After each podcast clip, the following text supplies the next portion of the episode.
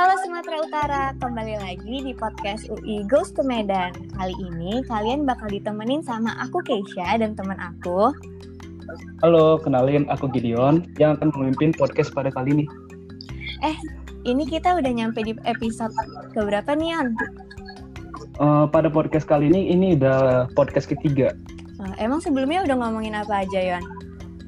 Wah, kalau di episode pertama itu ada Alsa dan Emia. Uh, mereka udah ngomongin tentang gimana caranya anak daerah bisa masuk ke UI. Uh, di episode kedua ada Velma dan Tara yang udah ngomongin tentang kehidupan di Depok. Jadi buat teman-teman yang belum dengerin episode uh, sebelum-sebelumnya, jangan lupa didengerin dulu ya. Nah, bener banget. Dan kali ini kita bakal ngomongin hal yang gak kalah seru dan informatif nih, Han. Kita bakal ngomongin apa sih? Bener. Pada episode kali ini, kita bakal ngomongin tentang lika-liku masuk jurusan favorit di UI. Wah, pasti pada penasaran banget gak sih gimana lika-liku masuk jurusan favorit di UI? Kalau gitu banget. langsung kita tanya-tanya aja yuk ke narasumber kita yang keren-keren ini Yan. Ada Kak Tifa dan Kak Audrey. Halo Kak Tifa dan Kak Audrey. Halo Kak. Halo. Halo. Halo Keisha Gideon. Halo, Halo nah, Keisha dan Gideon. Halo, nah mungkin boleh perkenalan diri dulu Kak untuk teman-teman yang dengerin podcast ini. Oke. Okay. Mulai dari siapa nih? Boleh, boleh Tifa, Tifa dulu. Oke. Okay. Halo teman-teman UI GTM dan teman-teman se-Sumatera Utara. Kenalin, aku Latifah Dinar, biasa dipanggil Tifa. Saat ini aku mahasiswi Fakultas Psikologi Universitas Indonesia angkatan 2018. halo Kak Tifa. Halo Kak. Oke, mungkin lanjut ke aku. Oke, selanjutnya. Um, halo teman-teman podcast uh, Kesha dan Iva. aku, Baik, aku Irena Audrey, panggilannya Ode. Um, aku mahasiswa FKUI dari angkatan 2018. Wah, halo Kak Audrey. Halo Kak. Halo. Wah, jurusan-jurusan yang paling difavorit orang-orang gak sih, Yon? Wah. Kalau boleh tahu, Kak, ini untuk kakak berdua nih, kesibukannya selama satu semester ini ngapain aja ya, Kak? ngapain deh, kayaknya kita mungkin lagi sibuk apa nih, Kak? Lagi sibuk apa, Kak, gitu? Oke, okay. coba dulu nih. Sabep, sabep. Oke, mungkin Kak Tifa dulu. Oke, okay, oke. Okay. Uh, ya tentunya satu semester ke belakang. Sekarang kan aku semester lima ya. Uh, kesibukan aku kurang lebih tetap kuliah rajin harus rajin karena udah semester tua juga. Terus aku juga beberapa ikut lomba juga ikut aku juga ngebem uh, terus aku ada project itu. Jadi aku ada project startup namanya diceritain. Nah mungkin kalau teman-teman penasaran bisa langsung ke at diceritain.id langsung situ aja. Tapi intinya kesibukan aku uh, satu semester ini yaitu banyak lah ya. Selain kuliah ada organisasi dan lomba-lomba juga project startup juga gitu. Wih keren banget. Hmm, kalau Kak Audrey gimana? Audrey gimana Kak? Kalau aku sendiri sama sih kurang lebihnya kuliah terus juga organisasi dan mungkin aku juga ikut uh, sekarang aku ikut kegiatan komunitas komunitas yang berfokus buat bantu teman-teman yang terkena dampak pandemi covid sekarang um, itu sih paling sama. Oh, Kak, dan ini juga lagi persiapan mau uas ya kak? Iya bener banget. Sama Semangat kak. Semangat kak. Iya kalian juga ya semangat ya. Makasih kak. Kak. Nah, uh, ini kak boleh diceritain nggak kak awal mulanya tertarik itu untuk masuk ke dalam jurusan ya? Uh, kalau misalnya Kak Latifa kan jurusan psikologi dan Kak Audrey kan jurusan kedokteran. Boleh diceritain dong kak awal mulanya kenapa bisa tertarik gitu uh, untuk milih jurusan itu? Menarik tuh. Iya, mulai dari kedokteran dulu kali ya. Yang kedokteran dulu boleh, boleh. dulu. Yang favorit semua orang nih kedokteran. ya boleh aku dulu. Sebenarnya um, kalau untuk tertarik untuk masuk jurusan FK sendiri, sebenarnya aku udah tertarik dari aku SMP. Tapi sebenarnya kalau ditanya-tanya kenapa, sebenarnya aku juga nggak tahu alasan khususnya kenapa aku tertarik masuk FK. Waktu itu sebenarnya awalnya aku nggak spesifikin FK FKUI gitu. Aku masih pengen FK aja. Nah kemudian um, semakin lama aku SMP SMA dan kemudian masuk ke penjurusan um, itu sebenarnya tahap yang paling ngebingungin sih sebenarnya. Waktu itu aku bingung karena sebenarnya aku nggak belum menentukan mimpi aku dan ataupun aku mau jadi apa. Dan di saat itu aku masih jadi apa ya istilah kayak pengen lah bebas banget mau jurusan apa selagi aku nyaman di situ sama pelajarannya gitu kan. Nah tapi dari dari aku sendiri sebenarnya kenapa aku tertarik juga karena didorong dari kayak ada dorongan keluarga buat kuliah di Jawa sebenarnya.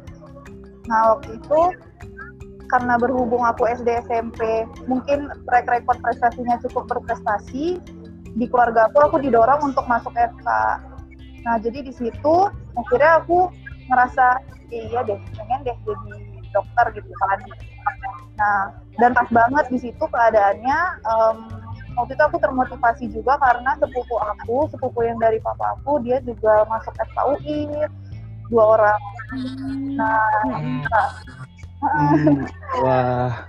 Dan pas banget di situ keluarga kan aku tuh dari keluarga dari papa, tapi kalau keluarga dari mama itu belum ada yang dokter. Jadinya aku didorong banget di keluarga aku buat masuk FK.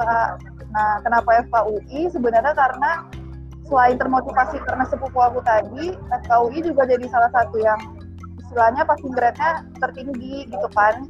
Dan mm-hmm, uh, jadinya aku terdorong uh, dan um, yaudah akhirnya aku memutuskan untuk um, ngejar FKUI tapi sebenarnya setelah aku masuk di FK FK tuh luas banget sebenarnya. Dan ladang mana ya bilangnya kayak nggak mentah-mentah jadi dokter. Kayak siapa pun yang sekarang sedang menjalani pendidikan dokter bisa jadi apa pun. Gak cuma dokter bahkan ada dokter trainer dokter segala macam banyak kan.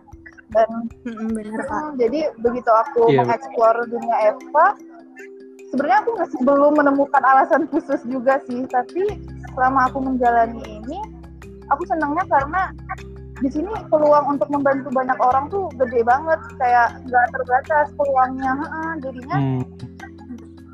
ha, jadinya iya, begitu bener. aku apa ya rasanya yang bikin aku bertahan tuh rasa rasa apa ya um, pleasure ketika ngelihat ketika ngelihat kita bisa ngebantu orang gitu. Makanya tuh benar ah, banget, jadi di saat itu juga aku merasa kayak ya mungkin saat ini alasan khusus tertentu mungkin kayak teman-teman FK yang lain punya alasan khusus ya kayak mereka suka biologi hmm. atau mereka emang mau terjun ke dunia kesehatan tapi sebenarnya kalau untuk aku sendiri aku nggak punya alasan spesifik itu tapi saat ini yang bikin aku senang di FK adalah kesempatan untuk banyak orang yang eh, kesempatan untuk bantu banyak orang yang banyak banget dan gak terbatas. Keren banget kak. Dan kakak makin, malah makin termotivasi ya kak pas tahu passing grade FKUI itu tinggi banget kakak malah makin termotivasi bukan makin gak percaya diri. Keren banget sih kak. Yeah. Wow, keren deh.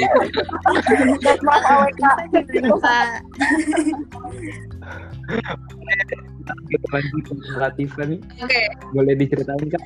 awal mulai Iya, psikologi, ya. Jadi psikologi itu uh, ilmu yang mempelajari uh, perilaku manusia ya, teman-teman. Nah, uh, aku tuh SMA IPA. Jadi sebenarnya uh, dan sementara psikologi itu IPS gitu. Jadi sebenarnya sangat jauh gitu. Aku nggak pernah membayangkan aku masuk psikologi sebelumnya karena bidang yang aku yakin masuk adalah bidang-bidang IPA juga gitu. Kayak dulu mungkin aku tertarik ke arsitektur atau mungkin juga ke ilmu komputer kayak kayak gitu. Nah tapi uh, ternyata hmm. setelah aku dalami lagi diri aku sendiri aku tes minat bakat terus aku juga coba refleksi gitu ya. Kayak aku tuh ternyata tipe orang yang suka mempelajari perilaku manusia. Kenapa sih orang berbuat kayak gini kenapa sih dia ber bisa uh, berpikir kayak gini tentang aku kayak gitu.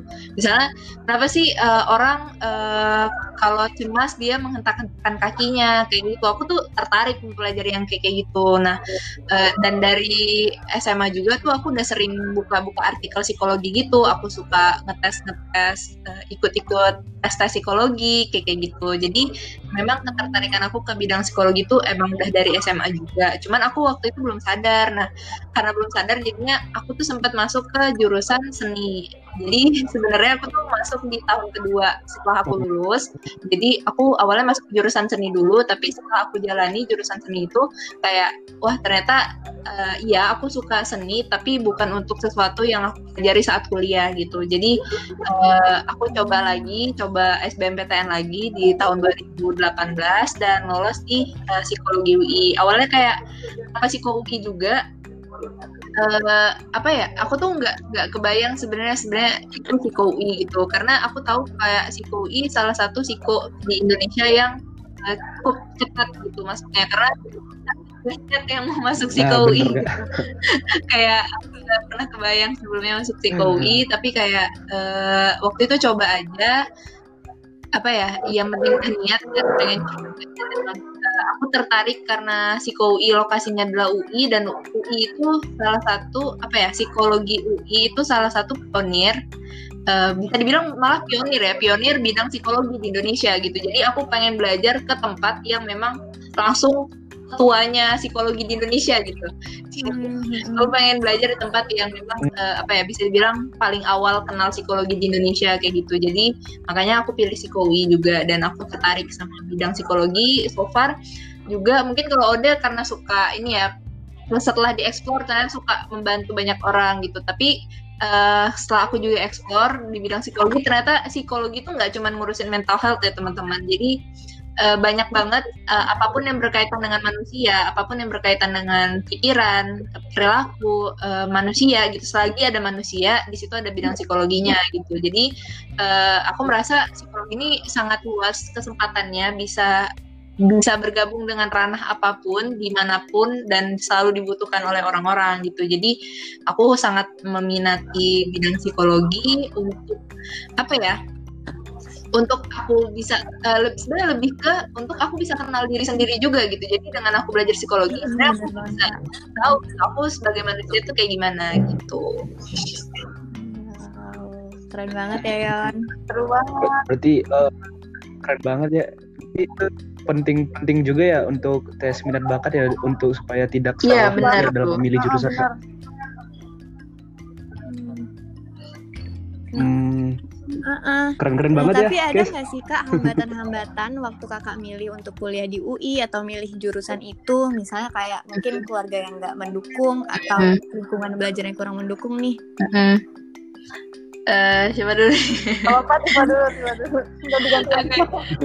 Oke, okay, boleh. ya, jadi aku tuh uh, tadi aku sempat mention juga kalau aku sebenarnya uh, tahun kedua di UI. Jadi sebelumnya aku di salah satu universitas swasta di Bandung dan uh, di situ tuh mungkin hambatan buat aku masuk ke jurusan aku yang sekarang adalah di saat itu aku masih melanjutkan kuliah aku. Jadi aku melanjutkan kuliah sambil belajar SBMPTN dan itu IPS di mana itu bidang bidang yang baru buat aku karena aku SMA IPA jadi mungkin lebih ke hambatannya itu. Aku belajar sesuatu yang baru di uh, situasi yang juga sebenarnya nggak lagi nggak kondusif karena emang aku lagi sibuk kuliah yang lain juga gitu. Jadi kayak sambil kuliah aku sambil belajar. Tapi untungnya uh, apa ya selalu dapat dukungan juga dari keluarga dari teman-teman dan uh, apa ya motivasi tinggi juga sih untuk kayak aku harus bisa lulus di uh, apa ya di psiko UI sebenarnya aku lebih ke waktu itu yang penting psikologi gitu sih. Kayak aku nggak tahu aku serah mau UI atau waktu itu aku nyoba UGM juga kan. Jadi entah itu UI atau UGM itu serah tapi aku hmm. sangat tertarik dengan bidang yang aku minati ini. Jadi uh, aku mau uh, saat aku kuliah aku kuliah di tempat yang aku minati kayak gitu. Jadinya uh, aku punya tekad lah ibaratnya membulatkan tekad untuk masuk psiko UI dan selama di kampus juga ternyata setelah masuk karena ini bidang yang memang aku minati jadi nggak ada hambatan berarti sih buat aku untuk belajar dan beradaptasi juga di fakultasku kayak gitu. Jadinya mau lancar mungkin proses masuknya karena psiko UI tadi lumayan ketat juga di persaingannya se Indonesia jadi uh, lebih apa ya lebih usahanya lebih ekstra lagi gitu dan harus uh, mempertimbangkan semuanya kayak gitu. Berarti tapi keluarga mendukung ya kak? Iya mendukung banget malah. Hmm, kalau kak uh, Audrey gimana kak? Kalau aku sendiri sebenarnya nggak uh, jauh beda sama Tifa soalnya uh, mungkin aku belum mention jadi aku itu lulus 2017 tapi aku uh, masuk FKU itu 2018. Nah itu aku setahun gap year karena aku waktu itu hmm. belum rezeki diterima di mana-mana. Uh, mm-hmm. ya jadi waktu itu aku setahun gap year dan aku fokus buat um, sebenarnya waktu itu gambaran awalnya tuh aku pengen FKU ya tapi waktu itu uh, aku yang dalam keadaan gap year itu merasa kayak aduh mimpi banget FKUI gitu masih kayak nggak percaya diri awalnya Nah tapi untungnya um, sama kayak Tifa juga aku dapat aku ditemenin sama keluarga yang suportif dan mendukung aku walaupun situ aku dalam keadaan gak kuliah kan. Nah, um, di situ juga um, sebenarnya hambatan terbesar aku karena aku gap year sebenarnya gimana ya tadi kan sempat disempet uh, sempat dibilang Kesha juga kan kayak tentang motivasi Nah motivasi itu sebenarnya awalnya aku juga agak-agak ragu gitu nilai FKUI karena kan pasti berat FKUI waktu itu ya paling tinggi istilahnya ya. Dan tahu rasanya gambling aja buat milih FKUI dengan keadaan kayak waktu itu aku biasa aja di sekolah dan nggak tipikal yang berprestasi banget. Nah tapi di saat itu, oh uh, apalagi juga uh, aku kan bukan anak Jawa dan emang latar uh, latar belakang SMA aku waktu itu aku nggak ter, terlalu terfokus untuk berprestasi di sekolah gitu. Jadi rasanya ya emang aku di sekolah biasa aja fokusnya nggak terlalu untuk banyak-banyak berprestasi gitu. Makanya di situ aku sempat ngerasa kayak aduh bisa nggak ya FKUI jadi di situ masa-masa apa ya setahun tuh masa-masa gambling gimana aku benar-benar kayak membulatkan hati aku buat FKUI dan sejujurnya tuh menurut aku memberatkan banget karena kalau ada orang-orang bilang yang kayak your biggest enemy is yourself itu aku setuju karena di situ juga aku merasa kayak iya atau enggak gitu ya. Setengah gitu. Tapi akhirnya um, setelah setahun gitu aku setahun gap year um, aku ikut bimbel. Jadi aku ikut bimbel dari pagi awalnya dari pagi sampai sore tapi makin deket UGM tuh kayak aku pulang malam terus bahas soal terus kayak wah kalau diinget-inget setahun tuh bener-bener kayak gempor gempor tenaga banget kan. Tapi di situ juga iya, bener-bener kayak wah mengerahkan semuanya karena kayak gimana maksudnya kayak waktu itu juga rasanya kayak lah kalau misalnya nggak lulus mau ngapain gitu? Rasanya bener-bener nggak tahu mau ngapain kalau misalnya nggak lulus. Uh, apalagi yang tadi aku sebutin juga tentang dorongan keluarga aku dan keinginan aku yang kuat buat kuliah di Jawa gitu. Makanya di situ aku jadi makin terdorong. Ya udah nggak apa-apa aku bakal coba pilih FKUI dan ditambah lagi pas waktu itu SBMPTN itu tuh pilihannya masih tiga pilihan. Jadi waktu itu um, pilihan pertama itu mm. ya whatever it takes aja aku nyoba gitu FKUI dan itu sebenarnya one shot banget soalnya aku nggak nyoba um, mandiri waktu itu kan di zaman aku belum ada simak UI ya kayak yang ada cuma KKI dan aku emang um, gak tau aku nggak mau nyoba KKI aja sih emang. Jadi aku di situ bener-bener one shot aja di FKUI lewat SBMPTN dan alhamdulillahnya lulus. Gitu sih. Hmm. wow keren keren oh banget ya dua-duanya. Berarti intinya tuh yang penting ini dulu kan kak kayak berusaha dulu semampu kita mm. tanpa lupa yeah. berdoa. Iya. Yeah. Terus nanti hasilnya tinggal serahin aja sama yang di atas. Iya yeah, dan yeah. mungkin maksimal sih usahanya bener, jadi bener. kita usaha tapi juga sampai di titik paling maksimal sih menurut aku karena kayak udah tadi bilang dia tuh beneran jor-joran itu kayak gitu dan semua orang mungkin punya cara berjuangnya masing-masing ya. Jadi yeah. mungkin sampai di titik maksimal berjuangnya sih. Hmm, bener sih kak. Uh, ini kan kak jurusan kakak ini kan termasuk jurusan favorit ya, ya pas grade-nya tinggi dan apalagi Universitas Indonesia pasti banyak peminat gitu. Nah, uh, pasti ini banyak juga ya anak sumut pasti pengen masuk UI tapi gak percaya diri. Nah, uh, banyak banget kan? Uh, apalagi ini dari pengalaman pribadi aku ya kak. Uh, waktu UTBK teman-teman aku itu semuanya menghindari untuk pilihan ke UI gitu. Hanya hanya karena kan rasionalisasi nilai mereka takut untuk ngambil nilai ke UI gitu karena mm-hmm. gak masuk. Nah jadi uh, pengen nanya nih kak saran dari kakak bagaimana uh, gimana sih supaya untuk meningkatkan percaya diri itu untuk meyakini diri kita untuk memilih jurusan okay, di silakan Universitas Indonesia kak. Oke, okay, mungkin kalau dari aku sebenarnya apa ya? Jujur waktu itu juga pas walaupun di zaman aku itu tiga pilihan ya istilahnya. Maksudnya kayak ada satu pilihan yang kayak yang kayak ya udah pilihan apa ya istilahnya kayak pilihan yang kita impikan gitu ya. Tapi di situ pun aku juga sebenarnya kesulitan buat meyakinkan diri aku gitu. Karena sebenarnya satu pilihan itu juga termasuk peluang gitu untuk kita lulus di tempat yang kita sebenarnya nggak tahu gitu. Nah, Oke, okay. ya maaf guys kepotong. Oke okay, lanjut. Um, Oke okay, maaf. Uh, jadi bagaimana ya? Oke. Okay. Um, Sebenarnya kan waktu itu juga aku ngerasa kayak gambling gitu kan untuk milih si satu pilihan pertama ini. Tapi waktu itu cara aku meyakinin diri aku sendiri adalah itu balik lagi ke diri aku. Aku nanya nanya ke diri aku sendiri kayak ya FKUI ini emang dari hati atau enggak? Itu yang pertama. Dan yang kedua apakah aku siap untuk menghabiskan waktu aku masa hidup aku dan semua tenaga jerih payah aku buat FKUI di situ merupakan apa ya gimana yang bilangnya? Kayak I question myself a lot gitu buat satu pilihan ini. Dan uh, dan karena aku sering kayak bertanya ke diri aku hmm. sendiri ya aku juga menjawab gitu. Jadi kayak enggak aku mau kok gitu. Aku mau aku mau FKUI dan aku bersedia untuk menerima apa istilahnya risking my time and my life buat FKUI makanya pada akhirnya um, aku yakin dan berusaha dengan 100% untuk ngejar ini gitu. Jadi kalau menurut aku ketika kalian merasa ragu untuk milih UI ataupun hmm, fakultas di jurusan lain menurut aku kayak apa ya kalau kamu yakin kamu bisa dan kamu mau mengerahkan tenaga kamu 100% buat itu dan kamu berdoa juga berusaha dan berdoa why not give it a try gitu itu sih kalau dari aku hmm. jadi kayak salah satu lagi uh, kalau Kak Tifa gimana Kak?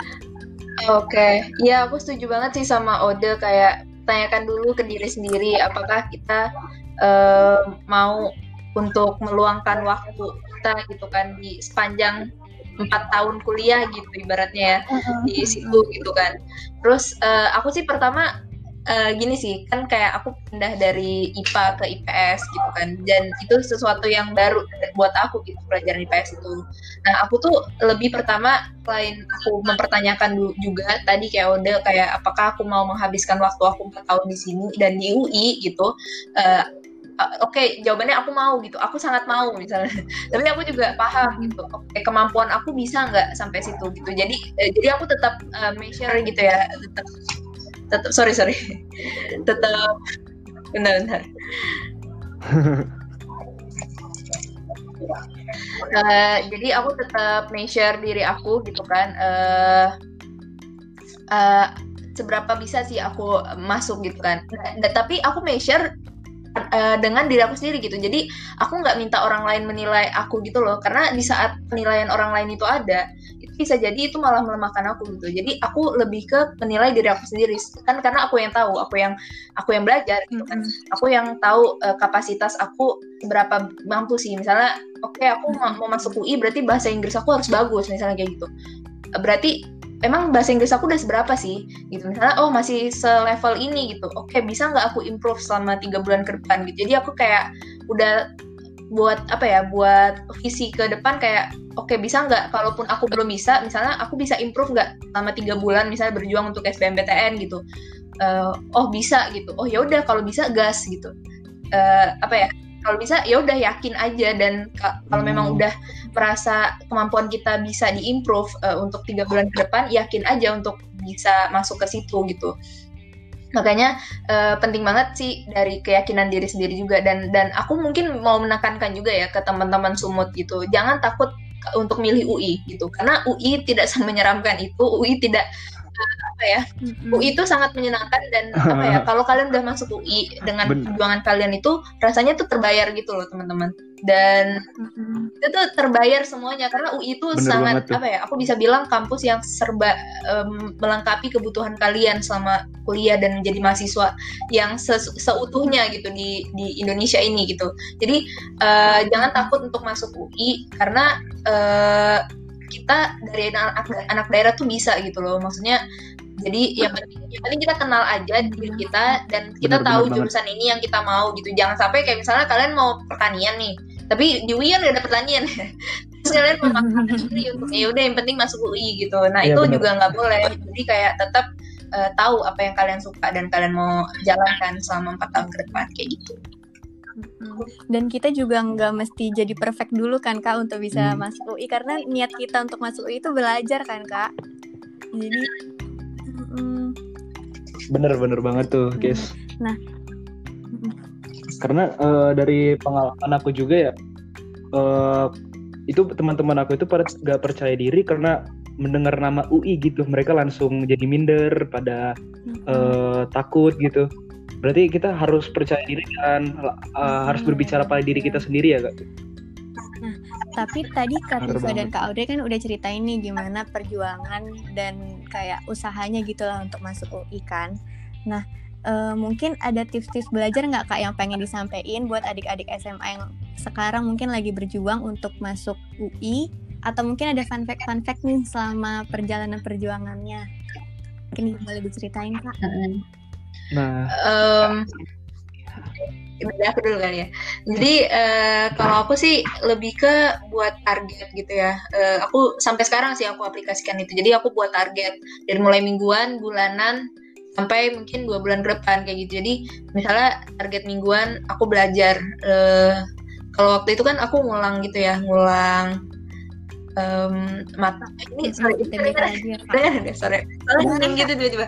Kayak takutnya takutnya enggak kok jadi uh, aku tuh uh, pertama karena aku belajar ulang semuanya dari awal mata pelajaran IPS jadi itu aku buat aku apa ya aku pecah-pecah dulu gitu loh mata pelajaran IPS-nya jadi aku mau belajar yang mana dulu nih yang mungkin sesuai sama misalnya jadwal aku sekarang lagi sibuk nih. Oke berarti mungkin aku bisa mempelajari mata pelajaran yang um, mungkin nggak terlalu mem mem mem membuat aku meluangkan banyak waktu di situ gitu. Jadi misalnya sosiologi gitu kan. Uh, jadi aku belajar sosiologi dulu waktu itu awalnya. Terus kayak aku tapin target. Jadi oke okay, ini materi sosiologi ada banyak nih. Aku mau kuasain yang mana? Yang paling sering masuk SBM yang mana gitu kan? Oh yang ini nih. Uh, yaudah aku target aku bisa kuasain yang ini dulu gitu. Jadi kayak uh, mungkin yang aku terapkan juga sampai sekarang tuh belajar sampai paham gitu. Jadi jangan sampai belajar tuh menghafal. Jadi kita menguasai materinya tuh karena kita paham kayak gitu. Makanya hmm. uh, saat kita udah paham baru aku bisa lanjut ke uh, apa ya target berikutnya gitu. Target minggu depannya gitu. Jadi uh, baru aku lanjut ke misalnya mat mata pelajaran yang kedua gitu misalnya sosiologi tentang bab duanya apa gitu. Terus misalnya sosiologi udah selesai nih aku pelajari gitu baru aku udah ke ekonomi. Jadi kayak uh, aku nggak nggak yang waktu itu aku belajar SBM-nya sih biar nggak pusing juga aku tuh nggak yang mix semuanya gitu loh. Cuman aku juga uh, rajin latihan gitu. Jadi pas latihan aku coba semuanya uh, semua matkul gitu. Cuman pas belajar aku tuh coba satu dulu gitu biar fokus gitu benar kak. Berarti hmm. itu uh, jangan dipaksain untuk uh, bisa pelajarin semuanya tapi setidaknya ada yang dikuasain dan benar-benar paham dan dan uh, setelah dipelajarin dilatih lagi biar nggak lupa. Ya, dan dan latihannya itu jangan apa ya jangan hanya kayak misalnya misalnya cuma dari satu sumber gitu. Latihannya misalnya cuma dari buku buku bimbel gitu. Itu nggak cukup. Aku mm-hmm, latihanlah sebanyak mungkin. Latihan dari soal yang seberagam. Misalnya kalian punya temen di bimbel A B C D E F gitu kan. Ambil semua soalnya pelajari gitu. Walaupun misalnya bilang bimbel bimbel A ini susah banget nih karena anak-anaknya memang fokusnya ke uh, apa ya ke UI ITB gitu-gitu. Ya nggak apa-apa justru gitu kan. Cari soal yang soal yang susah hmm. sesusah mungkin gitu. Jadi uh, aku sih dulu itu. Jadi kayak aku ngutipin soal juga dari teman-teman aku yang lain gitu. Dari GO ada yang dari eh sorry ya nyebut merek. Dari dari, dari macam-macam bimbel lah ya. Dari macam-macam bimbel gitu kan. Aku ngumpulin terus aku pelajarin sendiri. Walaupun nih awalnya tuh aku nggak ngerti sama sekali. Misalnya soal bimbel A aku nggak ngerti sama sekali. Karena aku belajar sendiri kan. Aku belajarnya mandiri gitu. Aku nggak pakai bimbel waktu itu. Jadi uh, ya udah nggak apa-apa kalau nggak ngerti disimpan dulu nih soalnya. Jangan sampai ditinggalin. Disimpan terus pelajari kenapa nggak ngerti baru pas udah ngerti mata pelajarannya di, dikerjain ulang. Misalnya kayak uh, oh sejarah sejarahnya nggak ngerti yang uh, mungkin bagian sejarah Indonesia nih. Nggak tahu nih jawabannya apa gitu sejarah Indonesia misalnya skip hmm. banget nih sejarah Indonesia gitu kan. Hmm. terus ya udah belajar dulu. Kalau kalau memang nggak nggak paham ya udah soalnya disimpan dulu terus belajar lagi uh, gitu kan. Baru balik lagi tuh ke soalnya. Oh ya udah paham sekarang. Terus aku tuh aku tuh suka buat ini sih. Dulu juga uh, ini kita ngobrol-ngobrol aja ya. Okay, uh, eh, itu uh, dulu aku suka buat ini sih target. Misalnya kayak uh, sosiologi aku harus benar berapa, ekonomi aku harus benar berapa, uh, apalagi sejarah aku benar berapa, geografi aku benar berapa karena itu sangat berpengaruh untuk kalian mengukur kemampuan kalian tuh bisa nggak masuk jurusan itu dan di universitas itu gitu. Karena uh, saat itu aku tuh pernah diikut bimbel juga yang sebulan gitu, bimbel intensif gitu. Terus kayak aku, aku di awal tuh aku ukur, oh ternyata um, misalnya aku masih bener masing-masing mata pelajaran tuh cuma 10 so soal yang bener dari 15 gitu terus pas diukur ternyata aku nggak bisa masuk psiko UI waktu itu gitu. Jadi oh oh kalau aku hmm. benernya segini aku nggak bisa masuk psiko UI berarti nanti saat SBMPTN aku nggak boleh aku nggak boleh e, benernya ini aku harus lebih dari segini. Berarti kan aku tahu targetin lebih tinggi ya, batas minimal aku bener aku tahu gitu kan. Oh iya minimal bener 8 misalnya minimal bener 10 jadi aku bisa dapat psiko UI kayak gitu. Hmm, berarti uh, lebih banyak bahas soal ya kak Iya bahas soal dan itu tadi sih belajar sampai paham. Jadi jangan belajar hafal, jangan belajar uh, penuh tekanan, tapi belajar dengan situasi yang nyaman, dengan ya seenak kalian di saat kalian udah apa ya udah mandi, misalnya udah mandi, udah makan, terus belajar gitu. Jadi lebih konsentrasi juga gitu. Hmm, kalau uh, perbedaan cara belajar di uh, waktu SMA sama di UI ada perbedaan nggak kak? Kayak misalnya di kampus ya kita tahu lah mahasiswa pasti lebih santai ya. Cuman uh, dari cara belajarnya gimana kak? Di UI ya? banyak juga nih kak soalnya yang penasaran di question box di IG-nya UI GTM nih banyak yang penasaran uh, sama pembelajaran di FK dan di psikologi nih gimana sih gitu. Oke. Okay. Ya, ini sudah ada yang FK. Halo. Halo, maaf aku ada gangguan hmm. koneksi lagi. Oh, oke, okay, gak apa-apa, Kak, gak apa-apa. Oke. Okay. apa-apa, Kak. Nah, ini Kak, uh, jadi banyak yang penasaran nih teman-teman dari uh, yang masih SMA nih pada nanya di uh, di Instagramnya UIGTM gimana sih pembelajaran di FK dan di psikologi gitu uh, mungkin boleh diceritain boleh dikit, dari siapa ya?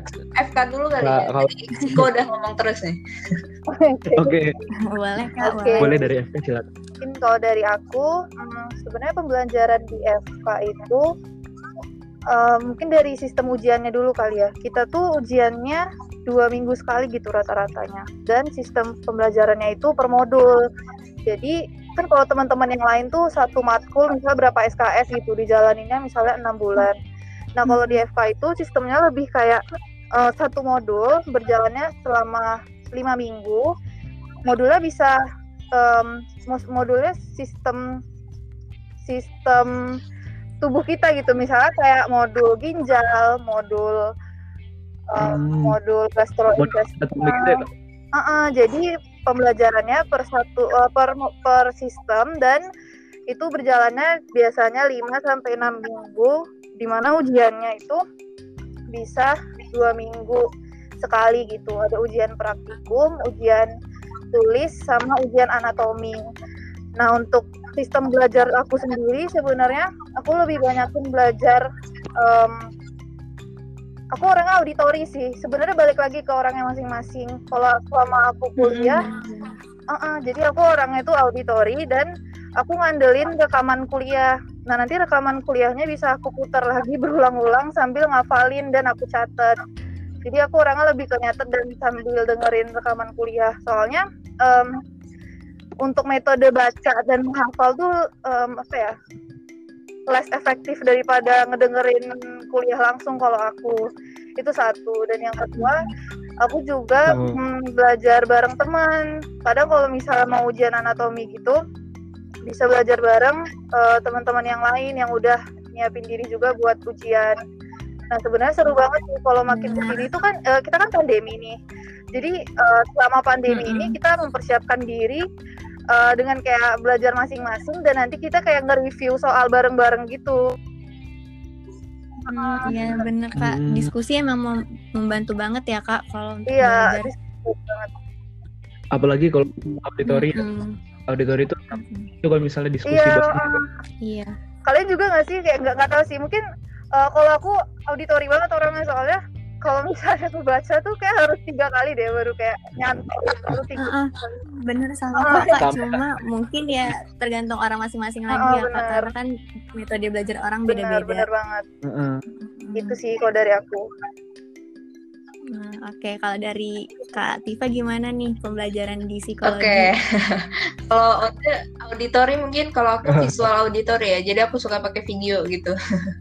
jadi aku suka nonton dosen aku apalagi pandemi gini kan dia suka ngerekam-rekam gitu jadi uh, aku nonton ulang gitu rekamannya nah tapi kalau dari Siko sendiri uh, secara umum kuliahnya beda sama FK tadi kalau modul-modul kalau kita pakai SKS sistemnya jadi memang uh, kita mm -hmm personalize gitulah personalize uh, kita mau kuliah apa di semester ini uh, mau targetnya apa gitu-gitu mau uh, SKS-nya berapa gitu. Nah Terus kalau di Siko itu um, apa ya belajarnya lebih banyak kelompok juga karena kan kita memang mempelajari manusia dan emang kita berinteraksi itu salah satu bentuk kita belajar tentang manusia juga gitu. Jadi lebih banyak kelompok, terus kita juga uh, kerja kelompok bareng dan itu seru sih, maksudnya diskusi gitu kan. Uh, sama mungkin di Siko itu yang mungkin buat beda juga dari fakultas yang lain itu uh, lumayan mengasah uh, apa ya kemampuan kita critical thinking dengan uh, apa ya filosofis gitu loh. Jadi kayak psikologi kan basisnya itu filsafat ya. Jadi um, lebih ke kita mempelajari dulu hal-hal filosofis hal-hal abstrak. Jadi memang psiko itu yang buat beda adalah yang dipelajari adalah hal, -hal abstrak mengenai pikiran manusia mengenai uh, bagaimana sih kenapa sih manusia merasakan misalnya merasakan cemas kenapa sih manusia merasa sedih? Kayak gitu itu kan hal-hal abstrak ya. Emosi itu hal abstrak. Jadi uh, itu yang kita pelajari kita belajar hal abstrak. Dan untuk belajarnya sih lebih ke itu. Kalau aku sih lebih ke uh, catatan sih. Aku pakai catatan misalnya ada catatan cutting aku baca gitu kan terus aku dengerin dosen lagi mau deket uas UTS gitu kan. Dengerin apa rekaman dosen kayak gitu. Terus uh, nanti uh, apa ya diskusi bareng sama teman-teman juga kayak ode kayak setelah kita belajar sendiri terus kita diskusi bareng sama teman-teman. Kadang juga kalau di psiko itu uh, apa ya banyak juga serunya itu banyak juga tugas yang kayak refleksi diri. Jadi uh, beneran kayak dari apa yang kita pelajari itu kita aplikasikan ke diri sendiri gitu. Itu buat psiko juga menarik hmm. jadi kayak misalnya kita udah belajar tentang karir gitu. Uh, minat bakat karir. Terus kita aplikasikan ke diri sendiri. Kita rencana karirnya mau apa 10 tahun ke depan misalnya kayak gitu. Atau kita belajar tentang emosi gitu. Terus oh emosi kita sebenarnya udah kayak gimana sih? Jadi kita lebih ke reflect diri sendiri kayak gitu Hmm. Jadi gitu ya teman-teman, buat yang penasaran mungkin udah terjawab nih gimana pembelajaran di UI khususnya di jurusan-jurusan favorit ini. Hmm. Ini pertanyaan pertanyaan terakhir nih kak. Ada yang pengen kita sampaikan nggak untuk teman-teman khususnya yang masih ke SMA ya sekarang lagi berjuang untuk masuk ke PTN khususnya UI ya yang mereka mau gitu jurusannya. Apa ada pesan nggak gitu kak untuk hmm teman-teman kita yang masih Iya silakan Ode. Oke, okay. mungkin kalau dari aku sebenarnya um, jujur waktu aku ngejalanin satu, satu tahun gap year itu yang dalam keadaan offline menurut aku juga udah suatu tantangan gitu untuk ngejar mimpi aku buat lulus di universitas di Jawa dan sekarang karena kita dalam keadaan pandemi tentunya jadi lebih apa ya lebih less optimal karena tentunya pembelajaran yang tatap muka lebih efektif daripada pembelajaran yang online gitu kan. Jadi mungkin menurut aku um, ya aku mau nyampein pesan buat teman-teman semua yang sekarang lagi berjuang dalam keadaan pandemi buat ngejar mimpinya kuliah di Jawa ataupun kuliah di mana pun yang kalian mau di fakultas apa pun. Semangat dan apa ya semangat. Dan pinter-pinter beradaptasi sih menurut aku. Soalnya um, kalau aku sendiri tuh aku homebody yang sebenarnya nggak bisa ngejadiin rumah jadi workspace aku. Tapi sekarang kita dituntut banget untuk menjadikan rumah kita sebagai workspace dan tempat kita fokus gitu dan uh, ya jadinya um, untuk teman-teman semua yang sedang berjuang dalam keadaan pandemi semangat. Mm Gak boleh nyerah ya kak walaupun dalam keadaan kayak yes, gini. bukan jadi halangan buat uh, belajar. Benar benar. Benar Kalau dari kak hmm. Latifah nih gimana? Nah, aku setuju banget sama Ode uh, perihal ini ya pinter-pinter beradaptasi. Jadi memang uh, kita di situasi pandemi ini belajar tuh jadi nggak mudah gitu kan.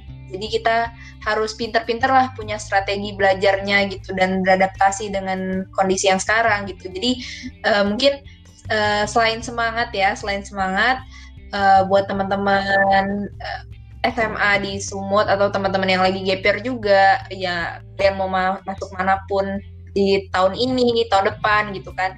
Uh, semangat dan yakinlah kalian tuh nggak sendirian. Kalian nggak berjuang sendirian. Jadi eh, nggak uh, hanya kalian yang sedang berjuang banyak orang semua juga yang sedang berjuang yang sama. Jadi uh, di saat kalian mau berhenti berjuang ingat juga kalau orang lain apakah berhenti juga apa enggak? Kalau orang lain nggak berhenti berarti aku ketinggalan dong dari orang lain kayak gitu makanya ya, untuk mencapai UI itu memang nggak mudah tapi ingat lagi bahwa kita nggak sendirian kita berjuang nggak sendirian ada orang lain juga yang sama-sama berjuang dan mungkin cari juga teman-teman yang sama berjuang juga gitu. Jadi kayak kumpulin tenaga-tenaga kalian bersama gitu kan untuk kalian saling menguatkan satu sama lain. Jadi e, melewati pandemi ini juga nggak sendirian kayak gitu. Belajar di tengah pandemi juga nggak sendirian gitu. Mungkin dari aku sih ketemuin teman belajar juga dan uh, fokus juga sama target kalian tenang aja pasti bisa Iya dan manfaat manfaatin Wah. waktunya sebaik-baiknya ya, ya kak sekarang. Bener banget. Uh, nah kita udah nyampe di akhir pembahasan nih guys kita mau ucapin terima kasih banyak buat Kak Atifa dan juga Kak Audrey yang udah mengeluarkan waktunya untuk sharing-sharing oh, bareng kita di sini. Iya, terima kasih banyak ya Kak. Iya, makasih juga Kak Audrey dan Kak Atifa udah bersedia untuk kita kepoin. Yeah. Terus juga udah ngasih banyak banget info dan wawasan nih untuk kita dan teman-teman yang lagi dengerin podcast oh, iya, ini. Aku, aku tuh lupa oh, tahu iya. satu lagi sebenarnya. Uh, last last sentence aku apa ya? Last statement aku deh. Jangan lupa ikut GTM. Ah, boleh karena karena salah satunya juga kan tadi aku bilang juga cara belajar aku adalah latihan gitu. Nah, UGTM tuh memang salah satu tempat latihan yang bagus gitu loh, teman-teman. Aku tuh bukan karena promo UGTM, tapi aku pernah jadi UGTM gitu. Jadi aku tahu kalau sebenarnya UGTM itu soal-soalnya berkualitas dan uh, jadinya itu bisa mengasah kemampuan kita dan di UGTM juga mungkin nanti kita bisa ketemu teman-teman yang juga berjuang sama kayak kita. Jadi jangan lupa ikut UGTM tahun 2021, oke? Okay? Ah, teman-teman. Oh, aku juga mau nyampein okay. ya, selain itu kalian juga bisa tahu nih kayak passing grade teman-teman dan uh, orang-orang yang pengen masuk UI gitu. Jadi istilahnya walaupun kalian juga mengasah diri kalian buat soal-soal SBMPTN, tapi kalian juga tahu gitu mana teman-teman, masa um, saingan kalian gitu ya. Iya. ya. Hmm, benar benar benar. Ini benar banget hmm. kak, makasih banyak udah udah dipromosiin juga. Sekali lagi makasih banyak kak udah mau ngelangin waktunya dan ngasih banyak info buat kita. Iya, sama-sama Keisha dan Gideon. Kalian semangat terus juga ya, mau uas juga. Terima kasih banyak kak. Ya, semangat juga teman-teman SMA. Dadah. Semangat. Kita juga mau berterima kasih banyak nih untuk teman-teman yang udah dengerin podcast ini. Semoga podcast ini bisa bermanfaat buat teman-teman. Amin. Nah, uh, sayang banget ya Yon, kita udah nyampe di akhir pembahasan. Padahal seru banget gak sih ngobrol-ngobrol sama Kak Tifa dan Kak Audrey? Iya bener banget nih. Tapi tenang aja guys, karena habis ini bakal ada podcast episode selanjutnya dari UIGTM yang pastinya gak kalah menarik dan seru dan informatif juga. Jadi pantau terus ya media UIGTM dan tunggu terus podcast dan event selanjutnya yang bakal diadain UIGTM. Oke, benar banget. Oke deh, sekian dari kita. Sekali lagi terima kasih banyak untuk Kak Audrey dan Kak Tifa. Sampai jumpa di podcast-podcast selanjutnya teman-teman. Dadah. dadah. dadah.